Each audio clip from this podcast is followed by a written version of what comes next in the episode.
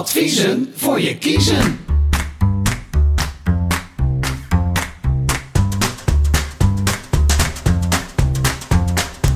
Welkom bij Adviezen voor je kiezen. Een podcast met antwoorden op vragen die je anders nooit gesteld zou hebben.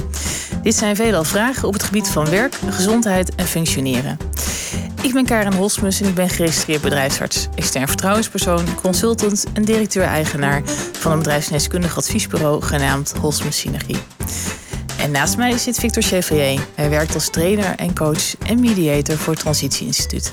Al decennia lang begeleidt hij particulieren, werknemers en werkgevers bij problemen en veranderingen. Victor, in deze podcast uh, gaan we het hebben over het feit wie bepaalt. Nee, wie betaalt, bepaalt. En Ja. werkt dat zo ook bij een coach die betaald wordt door de werkgever? Ehm, eh, nee, als het goed is niet. Als het goed is, behoort er geen dubbele agenda te zijn. Als het goed is. Nou, daar Ja. ben ik dan vooral benieuwd naar. Ja, precies. hè. Het begint, hoe goed begint is goed? helemaal verkeerd. Ja. Vertel maar eens. Eh, nee, eh, even zonder dolle. Nee, ik eh, denk dat als ik bij werkgevers aan tafel zit, ehm, altijd het, het credo is dat ik eigenlijk primair voor de werknemer werk en het belang van de werknemer centraal stel. Ehm, wat niet betekent dat de werkgever geen belang heeft. Dat is een andere benadering daarvan. Eh, maar ik denk, en daar ben ik heel oprecht in, dat je eh, eh, mensen niet kunt helpen als je niet eh, de mens centraal daarin zet. Eh, dat betekent niet dat er eh, ook vanuit de werknemer eh, dubbele agenda zouden mogen zijn. Ehm, en je zit altijd natuurlijk met een, een, een soort vertrouwensband die je met een, een eh coaché, zoals het dan zo mooi heet, mag opbouwen. Oké. Oké. En, eh, want daar komen we terug op die vertrouwensband. Hè. Daar hebben we het in eerdere afleveringen ook over gehad. Bij de bedrijfsarts is dat heel helder. Heb je een medisch beroepsgeheim. Ja. Hoe eh, zit dat bij de coach? Want je wil die vertrouwensband natuurlijk koesteren. Want dat heb je nodig ook om te kunnen werken met elkaar. De problematiek die er is. Ja. Maar die werkgever betaalt en wil natuurlijk wel iets van informatie hebben of zien wat ervoor gebeurt. Nou, sterker, ik denk dat ze best wel veel informatie krijgen, maar niet zonder medeweten van de werknemer. Ehm, overigens, de- ook, ook de coaches, net als wij bij het Transitieinstituut, kennen een gedragscode. In de zin dat we wel degelijk eh, regels zijn waar we ons aan moeten houden. Eh, geheimhouding is er daar uiteraard één van. Maar als je het gesprek moet aangaan, kun je niet alles bij jezelf houden. Dat Nee. gaat gewoon niet. Je moet het gesprek aangaan over bepaalde thema's. Ehm, als je het bijvoorbeeld hebt over ehm, de intake. eh, voorbeeld, eh, bedrijf eh, eh, geeft iemand bij ons aan van... joh, we willen graag dat je het gesprek ermee opent... want het gaat niet zo lekker of er moet iets ontwikkeld worden. Ehm, op het moment dat diegene dan hier op kantoor bij ons binnenkomt... eh, betekent dat ook dat, we, dat ik eigenlijk op dat moment ook tegen die mensen zeg van... joh, dit gesprek is vertrouwelijk. Het, is, je mag van mij verwachten dat alles wat je hier vertelt... binnen deze vier muren blijft. Eh, maar er zit wel een kanttekening aan, want ik maak ook weer een gespreksverslag hiervan. Nou, gelijk merk je dat dat natuurlijk elkaar, elkaar bijt. Hoe kun je nu iets, eh, zeg maar, vertrouwelijk zien en min of meer geheim houden en tegelijkertijd een verslag aanmaken? Maar zeg ik, ehm, we moeten wel een basis hebben waarop we een traject vorm kunnen geven. Een basis waarop die werkgever bereid is om daar ehm, allerlei instrumenten of eh, uren in te gaan steken. Dus om te voorkomen dat we die vertrouwensband schaden, maar toch die, die informatie die essentieel is aan de werkgever geven, maken wij een verslag eh, van de situatie. Eh, waarin we eigenlijk op dat moment ook eh, eh, eh, al aan het einde van het gesprek aan de cliënt vragen van joh, zijn er nu thema's geweest die je echt pertinent niet in het verslag zou willen hebben? Nou, soms kan men dat al gelijk aangeven, maar vaak is dat ook helemaal niet aan de orde hoor. Eh, maar dan gaat altijd het, het verslag eerst naar de cliënt zelf. En de cliënt zelf moet daar zijn groene licht voor geven voordat hij uitgaat. En hij heeft in die tussentijd dus alle ruimte om eh, allerlei wijzigingen aan te brengen. Dingen eruit te halen, dingen anders te formuleren. Net zolang totdat hij daar volledig achter staat van ja, dit is mijn ver- verhaal.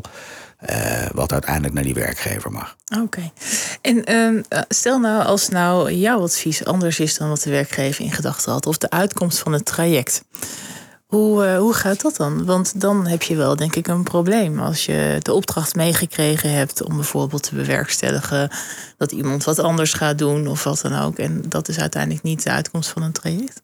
Hoe ga je daarmee om? Ja, er komt natuurlijk veel voor. Ehm, zowel cliënt zelf als uh, zijn werkgever kan al, vaak allerlei plannen hebben die, die eigenlijk nooit zo goed uitkomen. Mhm. ik zeg ook vaak tegen werkgevers: ik ben geen Harry Potter met een toverstaf. Mm ik denk wel dat ik binnen redelijkheid een, een, redelijke inschatting kan maken wat de situatie is en wat daarvoor nodig is. Ik denk mhm. dat daar wel meer dan voldoende uh, ervaring voor is. Uh, maar tegelijkertijd uh, komt het ook voor dat je met mensen aan de gang gaat en je denkt van nou, dit is een taaie. Mhm. Dit kan wel eens nou, 12, 15 gesprekken duren voordat we daar überhaupt beweging in hebben. Mm en dan zie je bij zo iemand na twee gesprekken plotseling het lampje aangaan. Dat je, dat je, dat je merkt dat hij, dat hij zijn zijn eigen lot in handen neemt, laat ik het zo mhm. even noemen. En eh, dingen gaat doen waarvan je denkt van juist, daar, moeten we heen. Dus dat je eigenlijk al naar, naar, dan gesprek drie of vier ook met die werkgever om de tafel gaat van joh, eigenlijk zijn we wel klaar, want het gaat goed nu. Uh, maar omgekeerd komt uiteraard ook voor dat mhm. je uh, met mensen denkt van nou, gesprek of 7, 8 en de talentenmotivatieanalyse hebben we wel aardig beeld wat we met diegene moeten. Ja. En in de loop van het traject dat we daarmee bezig zijn, eh, ja, gaan de kastdeuren open en er komen lijken uit hier tot Tokio. Ja.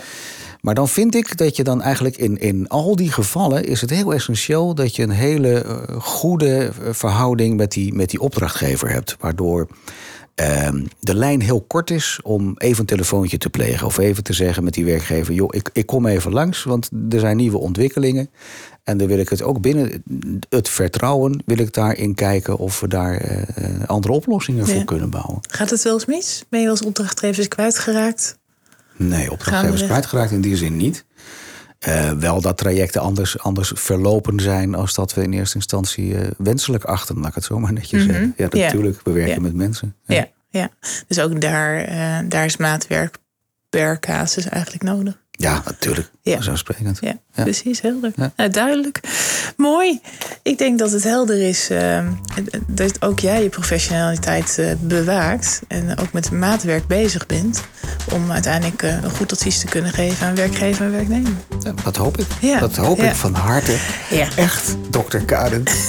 ik hoop dat het goed doet. Ik, dat hoop ik ook. Ja. zeg maar. Vraag zeg ik, alles aan coach Victor en dokter Karen. Nou, doe dat dan maar eens. Dit was een aflevering van Adviezen voor je kiezen. Onderdeel van de Praatkast. Een podcast met antwoorden op vragen die je anders nooit gesteld zou hebben. Veelal vragen op het gebied van werk, gezondheid en functioneren. Als jij vragen hebt voor adviezen voor je kiezen, stuur dan een mail met je vraag naar info.praatkast.nl. Je kunt dat overigens ook doen via WhatsApp of gewoon via de site. Deze podcast wordt je aangeboden door Hosme Synergie en het Transitie Instituut. En met dank aan Hans Zelmaker van Studio 0317 voor de nabewerking. Dankjewel Hans. Dankjewel voor het luisteren naar adviezen voor je kiezen. En graag tot de volgende aflevering. Oh, wat zeg je dat weer lief. Lief hè? Ja. ja.